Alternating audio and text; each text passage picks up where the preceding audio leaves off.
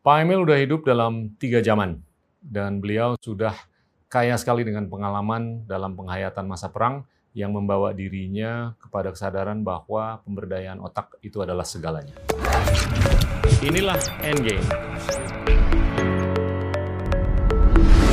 Hai teman-teman, kita hari ini kedatangan Pak Emil Salim yang baru aja merayakan ulang tahun ke-90 dan kita tentunya akan ngobrol panjang dengan beliau mengenai banyak hal eh, terkait dengan pengalaman beliau yang sangat kaya dari zaman revolusi, zaman kemerdekaan, sampai kita berdemokrasi dan tentunya yang paling passionate beliau adalah terkait lingkungan dan pendidikan. Pak Emil. Ya. Pak Emil lahir di Lahat, terus Ya. pindah ke Banjarmasin, Ya. terus balik lagi ke Palembang, Ya. Pindah lagi ke Bogor, terus ke Jakarta, terus ke Berkeley, Ya. where my dad met you, my Ya. mom met with you, Hmm. terus balik ke Jakarta. I mean, you've had a very, very illustrious life. Hmm. Saya ingin dengar dari Pak Emil, perjalanan hidup Bapak dari tahun 1930, Ya. tanggal 8 Juni, Bapak baru umur belasan tahun, itu Ya, ya. baru aja selesai Perang Dunia Pertama. Betul. Terus Bapak umur belasan tahun, Perang Dunia Kedua. Ya. I mean, you've seen more things dibanding Ya. saya dan masyarakat luas. Ya. Silakan. Itu dalam kalau lihat waktunya, yang menarik adalah saya mengalami tiga zaman. Zaman kolonial pada saat saya di SD, di European Slacker School. Bersama teman-teman Belanda. Ya, we are good friends, normal, main kasti, main sama-sama. Ada satu peristiwa yang saya men, apa itu berkesan dalam bagi saya. Sehabis main kasti di Banjarmasin, di dekat sekolah kami ada namanya Susitay de Kapel, Siap. yaitu tempat orang Belanda minum-minum. Jadi kami rombongan anak main kasti itu anak Belanda, semuanya Belanda kecuali saya. Masuk kita ke Susitay de Kapel, mau orange crush minum, ya. Semua masuk, saya ditahan, ditahan di pintu Oke. saya teman-teman bilang ini teman kami tidak boleh. Ya. Kenapa? Ya. Ditunjuk satu papan pengumuman verboden toegang voor Honden and inlanders. Jadi apa artinya? Saya bilang ya, kulit Alamak. kulit kamu itu lain dari kulit temanmu. Oke. Jadi kamu tidak boleh karena kulit. Ada apa sama kulit saya? Betul-betul ya, saya tidak mengerti. Wow. Tidak boleh. Why? Tapi tidak boleh. boleh. Sudah teman masuk. Tapi saya tersinggung itu. Hmm. Tidak mengerti. Hmm. Lari ke rumah ke rumah itu. Nangis itu. Hmm. Ngadu pada ayah. Mengapa? Mengapa saya tidak boleh masuk itu? Di sana ayah itu berkata dan itu membawa kesan mendalam. Kita ini, gitu ya, tanah air kita tidak lagi milik kita. Kita ini dijajah Hmm. karena kita inlander, pribumi. Gitu. Betul.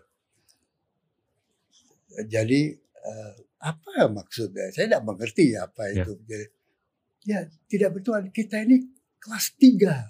Gitu. Nomor satu Europeanen, nomor dua Vreemde Oosterling, nomor tiga kita Irlander.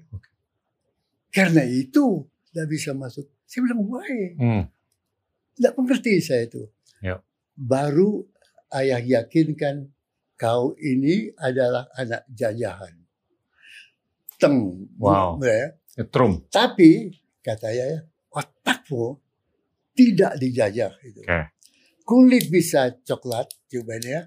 Buktikan bahwa otakmu tidak sama apa lebih rendah kelas 3 dibanding mereka. Itu mendorong saya belajar terus. Belajar. Oke. The driving force. Jadi kalau saya terus terang ya, kalau ada rapat ada orang kulit putih itu, saya cenderung mau kasih lihat kalau dia ngomong, saya ikut ngomong. Saya ikut. Ada Agak-agak sama. ada ada konferensi orang masuk gitu. ada satu apa itu ya desakan ya Bas, I'm betul. not apa inferior than you itu You've, you've got to validate. ya ah, that was the first Ah. pengalaman yang sangat mendalam itu Oke. tapi juga membawa dorongan harus belajar Siap. Penting. Jadi fire belajar, otak kembangkan, tunjukkan kamu tidak berendah. Satu. Dua, di zaman Jepang, ya, masuk asrama. Ah. Jadi asrama. Bayangkan, Bung, ya, masuk asrama Jepang, keadaan sulit makan. Ya. Ya. Makan pagi itu adalah apa itu? Sashimi, bubur Sushi? apa eh, papeda itu itu papeda ya. ya yang itu pagi-pagi oke. jam setengah tujuh Papeda. jam sebelas sudah lapar Pasti. kita Ya. siang sedikit ya makan makan sulit kan zaman itu di Bulgur asrama juga ya. di asrama di, Oke. di, di Mizuho Gakuen Oke. di asrama di Palembang jadi menderita merasakan makna lapar. Jadi apa itu lapar itu dah. akhirnya kita ngadu saya Hanjo kepala eh, itu menghadap ke Jepang. Ini lapar kita kita bilang. Dia bilang Tuan, you kalian punya tanah. Tanah ini baik. Ini pacul. Kau pacul. Pakai otak tanam apa? Kau punya perut. Itu pupuk. Pupuk tanah pacul otak tanam sendiri Hmm. masya Allah kita bikin and we did it Wow. kita gunakan itu jadi safety tank safety tank asrama Iya. kita keruk pakai untuk pupuk tanah kita pacu kita tanam dan memang tanaman yang ini yang mengenyangkan lah itu Oke. ya apa pelajarannya the knowledge of lapar Siap. and the conviction of mampu berdiri sendiri Hmm. ya even with your pupuk dari perut ya Hmm. untuk kebutuhan sendiri. Nah itu zaman that's the lesson dari Jepang. You really must know what is lapar ya. Di sana To appreciate. Ya oh iya. Dan apa food. the driving force sampai kita nanam is karena kau tahu makna Iya. lapar itu. Nah ketiga waktu zaman revolusi. Tapi antara zaman Belanda sama zaman Jepang Ya. gimana perbedaan penderitaannya? oh Mana yang lebih? Ah, di, ekstrim? di di Belanda itu tidak ada penderitaan, Oke. hanya tekanan batin itu. Oke. Tapi ya kita normal sekolah biasa Oke. macam-macam dan Banjarmasin tuh ya kotanya itu normal lah tidak ada apa-apa. Jepang yang there you know artinya lapar, kekurangan, Oke. macam-macam dan sebagainya ya. Dari the worst side of life itu Oke. adalah di zaman Jepang. Oke. Nah, pada waktu revolusi, ya sebagai anak muda mengikuti kakak, kakak pergi ikut ke front di Ciratas ada perang Ciratas itu Ya. ada Ya. eh, eh, sama Belanda, ya kita ikut. Tapi ya ketika itu saya baru menginsaf, you do nothing, ya. Jadi contohnya kita pakai parabellum, Ah. parabellum itu ya, parabellum yang disimpan di tanah itu. Oke. Jadi dibersihkan itu. Nah dengan parabellum sok ya aksi ada kan senjata hebat ini. Ikut. ya. Tiba-tiba bunyi. ya. Teman saya di sebelah dia berdiri. Di mana ya? Ya dia, dia lihat tuh. Pam. Jebret. Wow. mortir. Wow. We have not knowledge what is mortir. My God. Kita tidak tahu bahwa kalau itu benda dan mortir itu zeng nama itu habis dia punya perut. Jadi kakak saya bilang sekarang kamu back. Ini kembali." lemparan mortir dari dari di di Bukit Caritas di dari Palembang. dari siapa? Dari mana? dari Belanda. My God. Oh, lo- Belanda, Oke. yang nyusup Masih belum terima ya. Oke. yang yang dimusuh tentara Hmm, Belanda itu. Oke. Oke. The- that was the first lesson ya bahwa ini parabellum ini itu gak ada artinya dengan material. Kemudian orang itu pakai stand gun. Ini Ya. kalau itu senapang Iya, iya. Jepang itu adalah pakai kokang namanya. Tak trek isi peluru dor, tak trek isi peluru dor. Ya. Sedang begitu sana stand gun cerut itu. Masya Allah. Nah Wow. kakak saya tarik kamu balik balik itu balik pulang kamu jangan ikut ini bukan mainan anak-anak ini Hmm. ini teknologi yang kita hadapi jauh lebih Ya. eh, canggih Nah, that was the lesson tapi ABC membawa satu pelajaran build your brain. Siap. Ini yang di, di revolusi is stand gun versus kokang Siap. ini you lose itu. Ya. Jadi pengalaman ABC adalah belajar. Ya. Brain. Ya.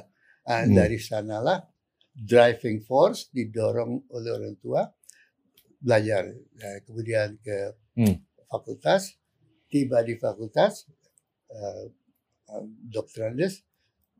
ke Amerika MA, apalagi PhD, PhD Pak Emil masuk universitas usia berapa itu? eh, 20, eh, 18. 18 tahun. 19, sembilan- usia Oh, usia tahun tahun 58 28 28. Oke. 28. Jadinya perang dan segalanya tuh men Ya, distract atau Ya. memperlambat ya. ya. Oke. Da- dan membawa saya pada pengalaman penghayatan Ya. yang membawa saya pada Lalu keinginan untuk kemudian Ya. Jobrin gitu. oke. Jadi masuk masuk itu 28 28 Oke. dan 64 34 selesai Ya, PhD. PhD di Berkeley ya. Mm. Tapi that is the background ya. Ya. Dan saya bersyukur mengalami hal ini ya. Ya. Karena memahami what, jadi kalau kita mendengar 17 Agustus ya, Ya. lagu kebangsaan itu you feel the Hmm. meaning Ya. of Merdeka. bendera itu ya. Hmm. Karena you pernah alami, Ya. you are nothing. Luar biasa. Allah. Ya. Jadi tiap 17 Agustus itu ya terharu ya. Pak Emil, kalau saya dengar ceritanya Bapak, itu kan waktu zaman perang, nggak zaman Belanda, nggak zaman Jepang, revolusi dan segalanya. Itu orang-orang di sekitar Pak Emil tuh sense of giving up-nya tinggi atau Iya. lebih banyak sense of survival? Giving up sampai Oke. sa- ya bagaimana itu Ya. Pak ya Pak Uh, and this is the fight of your of the lifetime itu Pak. Ya. Jadi semua yang ikut semacam berjuang ya Siap. merasa ini adalah now or never itu Hmm. itu satu rangka mati-matian itu. As merdeka itu ya betul-betul masuk. Ya. Masuk it's not pidato. no. Ya. But you have your experience. Ya. Be, be to be an inlander. gitu. Ya. Ya. Terus eh, kalau saya perhatiin, Bapak lulus PhD tahun 64 kan? Ya. Nah, saya juga cukup ngikutin Ferdinand Tony sama Iya. Max Weber. Uh, you always mention apa Gemeinschaft sama Gesellschaft. Nah. Iya kan? Nah, coba deh ceritain, Pak Emil. Tentang Pandangan Bapak mengenai kekitaan Oh. dibandingkan kekamian. Ya. Itu kan ditarik dari Gemeinschaft sama Gesellschaft. Jadi guru saya itu saya juga ambil sosiologi. Siap. Jadi saya apa dan saya suka sosiologi itu baik. Sebaliknya background saya Minang, Minangkabau. Ya. And di dalam Minangkabau ini sem- semangat Gemeinschaft itu agak kuat itu. Ya. Jadi sekarang ini ada masyarakat Minang eh, yang yang perantau itu. Hmm. Itu udah ya. Ini yang menarik sekali. Ada program Zoom ya. Minang di seluruh dunia, diaspora di Wow. seluruh di seluruh dunia Wow. macam-macam. dengan di seluruh Indonesia itu aja. Oke. Apa yang diperbincangkan? Bagaimana praktek surau, Ya. surau Minang itu ya, bisa dikembangkan di internasional Wow. dan disepakati membangun di Sydney melalui Zoom. Wow. Jadi, Jadi apa? Very fascinating dialogue ya, dialogue. ini berapa anggotanya? Ya, jadi Kalau Zoom gitu ada ribuan, ratusan Oh ya atau banyak, banyak ya. Puluh, Jadi apa diaspora, Oke. teman diaspora. ada berapa negeri. diaspora Minang? Diaspora Minang. Ada berapa jumlahnya? Wow, Ribuan, Ribuan, ratusan ribu, puluhan ribuan itu, Wow. ya. Oke. Tapi yang menarik adalah ya mereka itu ada semacam keinginan kenangan rumah, apa Hmm. kampung segala macam. Apa menjadi hal yang mereka kehilangan di luar, yaitu keakraban, kumpul, ngobrol, eh, tuk- tukar pikiran, bersenda gurau dan beragama. Ya. Dan itu dilakukan di surau Hmm. kan anak-anak muda ya di samping di sekolah dia nginep di surau Ya. itu baik hatta mau baca macam-macam it creates an Gemeinschaft itu Jadi your uh, your otak itu tetap berkembang, tapi keakraban ada keakraban ya. Ya, betul. You and I adalah kita, gitu. Ya. bukan kami. Itu Betul. ada feeling itu. Ya. Yang menarik hati saya adalah bahwa keinginan itu berkembang sekarang eh, di dalam Justru masa lebih ter-reinforce ya. Iya, Hmm. di dalam masa Covid. ini, ini. Hmm. Karena itu saya yakin Ya. bahwa jika teknologi digital ini Ya. berkembang baik, Betul. we may not lose our Gemeinschaft. Hmm. Karena itu saya sedikit unhappy belajar distance learning di 500 kabupaten yang sinyalnya itu tidak ada. Ya. Harus naik pohon. Betul. Dan kalau ke Sulawesi Tengah sulit mencari ini apalagi di Yokohama, di Papua, di Ya. NTT macam-macam. Jadi distance learning menghendaki Betul. digital ini Betul. listrik digital air Hmm. but bukan hanya belajar saja Iya. to maintain the Gemeinschaft Iya, Gemeinschaft. relationship itu Community development, community Community, building, ya, ya. ya. Betul. dan sering melalui itu ya uh, atau di luar itu mulai WhatsApp si A meninggal si B ini si ini Iya, begini iya, iya. macam itu jadi the keka- kekitaan itu berlanjut Iya. dengan teknologi digital nah Iya. melihat fakta itu yang saya sendiri alami Hmm. dalam kelompok Minang ini, saya rasa it can be done national. Kalau menurut Bapak, ini lebih COVID-19 ini hikmahnya lebih memperkuat dan Ya. mempererat Gemeinschaft Ya, eh, Oke. bisa. Ya. dengan caveat atau catatan Syaratnya, jika toolnya ada. konektivitas Coba ya. bayangkan, Hmm, coba digital. bayangkan ya. Out of the blue sky ya, Hmm. melalui Zoom itu, di dalam dialog, ngomong-ngomong, biasanya tentang keadaan aja. Ya. Tiba-tiba, kami kehilangan dialog itu dalam eh, di dalam surau. gitu. Ya. Jepret keluar. Kenapa kita tidak bikin surau global? Iya. Ya. Ya. Jadi, ini kumpul dana di sini senternya. Wow, amazing. Jadi, jadi Luar biasa. saya menarik. Jadi saya lihat ini the spirit can go on Hmm. with technology. Ya, ya. But if the technology is not growing, ma- mati kita. Nah, saya mau nanya, balik lagi nih ke zaman muda. Hmm. Pak Emil dulu waktu belajar di SMA, di universitas, itu preferensinya lebih ke empirical science atau social science?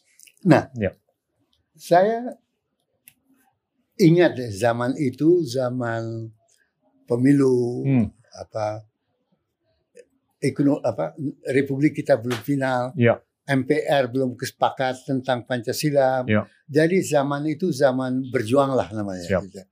Karena itu saya lebih terdorong oleh aktivitas luar kampus yang mendorong saya lebih suka pada social science, Oke. sosiologi, bagaimana ini memahami macam-macam Ya. dan aktif dalam organisasi mahasiswa. Ya.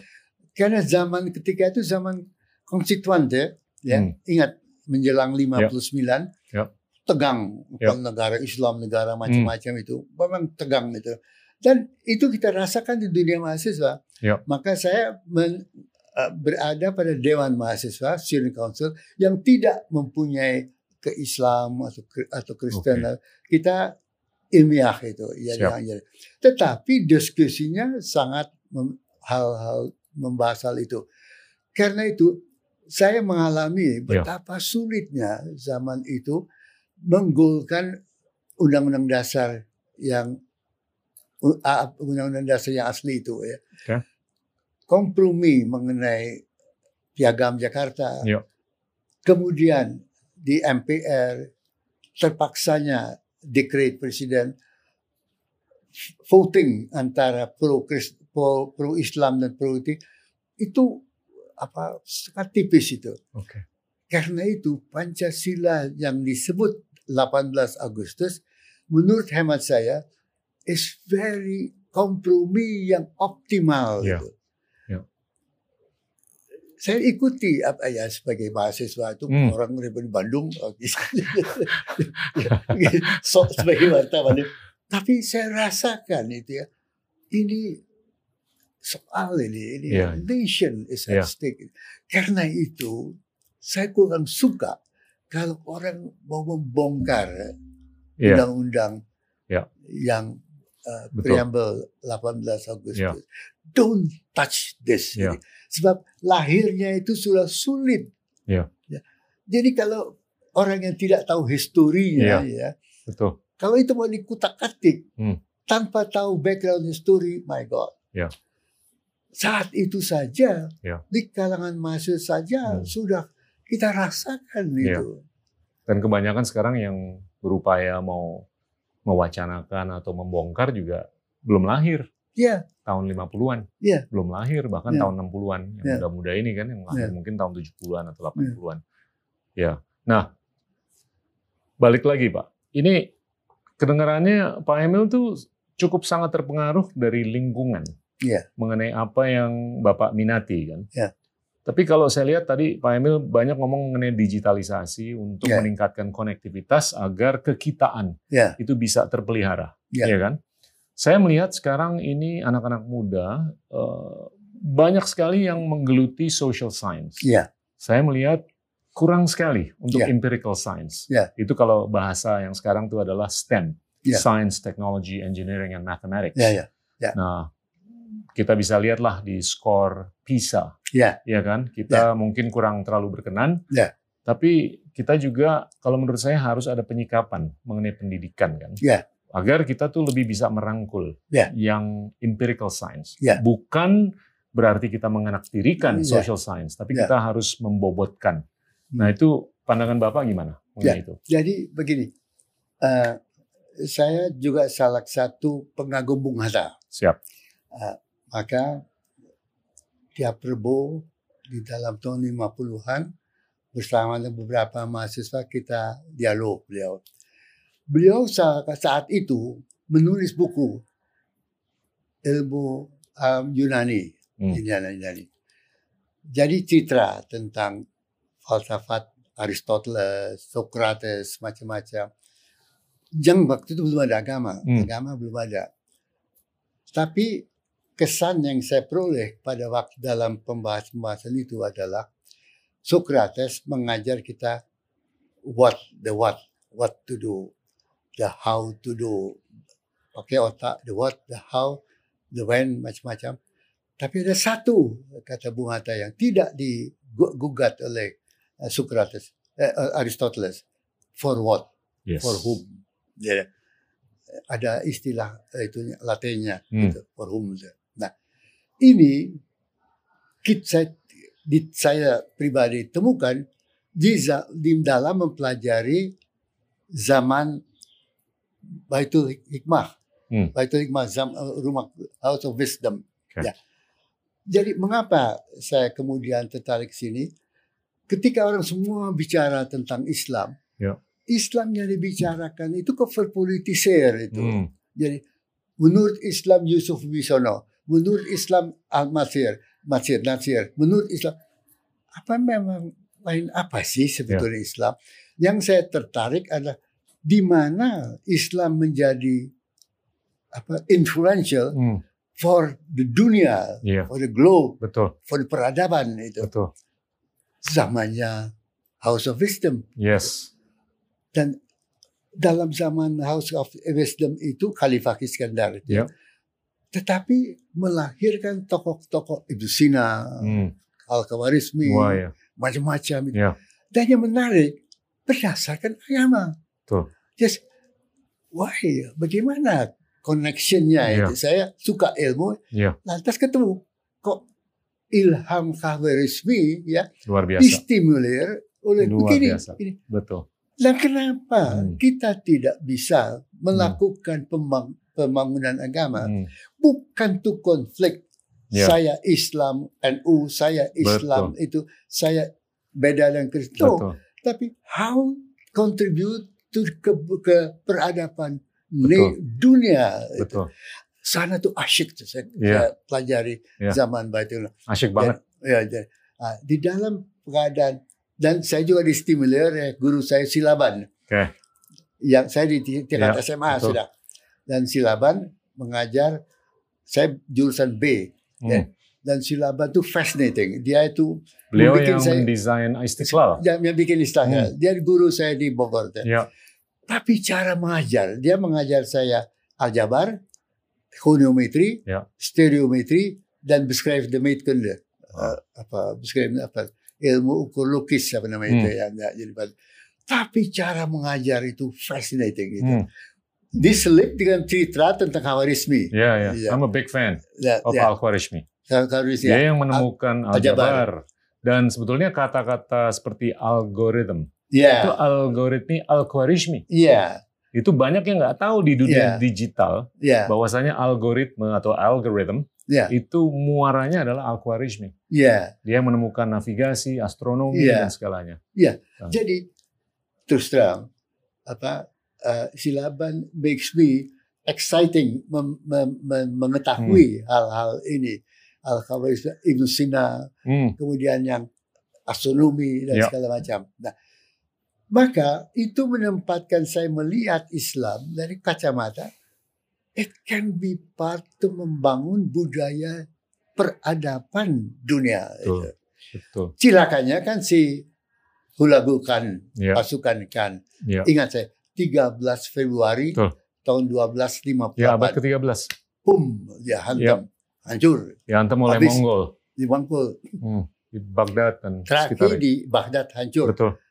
Tragedinya setelah tahun 1358 itu bet hilang Islam. Betul. Islam sebagai Ya. kontributor budaya Hmm. apa peradaban civilization Ya. ya, dunia Ya. hilang. Ya. Dan kita menjadi berkelahi Ya. sinilah, ribut sinilah, mas inilah. Jadi sedih saya. Nah, Ya. Saya pengge- pen- Bahkan Pak Emil itu ilmu navigasi yang digunakan oleh Vasco da Gama, Christopher Columbus Ya. itu menggunakan basis-basis yang Ya. ditemukan oleh Khwarizmi ya. dan teman-teman. Nah, mengapa kita Hmm. Ya. tidak juga berbuat yang Iya, sejalan Ya. itu? Ini tiang-tiang peradaban dunia, bukan Baghdad, bukan ini, bukan hanya ini, dunia. Ya. Why are we not thinking melalui alur itu? gitu, Ya, ya. ya.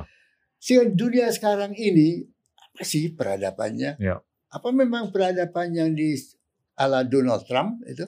Atau pakai bagaimana? Ya. What is the budaya iya, dunia ya yang mendorong perkembangan peradaban? iya, Ya. Ah, di sana saya merasa di Hungary, Hungary Ya. kelaparan untuk men- mengikuti bagaimana bisa the House of Wisdom by Al-Kalimah itu Hmm, bisa berkembang di abad ke-21 ini. iya. Gimana tuh caranya? Nah. karena sebetulnya kita kalau dari sisi anggaran itu kan berlimpah-limpah untuk Iya. kepentingan pendidikan, 20% dari APBN. Ya. Tapi tentunya ada unsur desentralisasi kan, Ya, ya. yang mana kita Ya. cukup tergantung terhadap kualitas kepemimpinan di daerah untuk mereka bisa mengalokasikan secara bijaksana.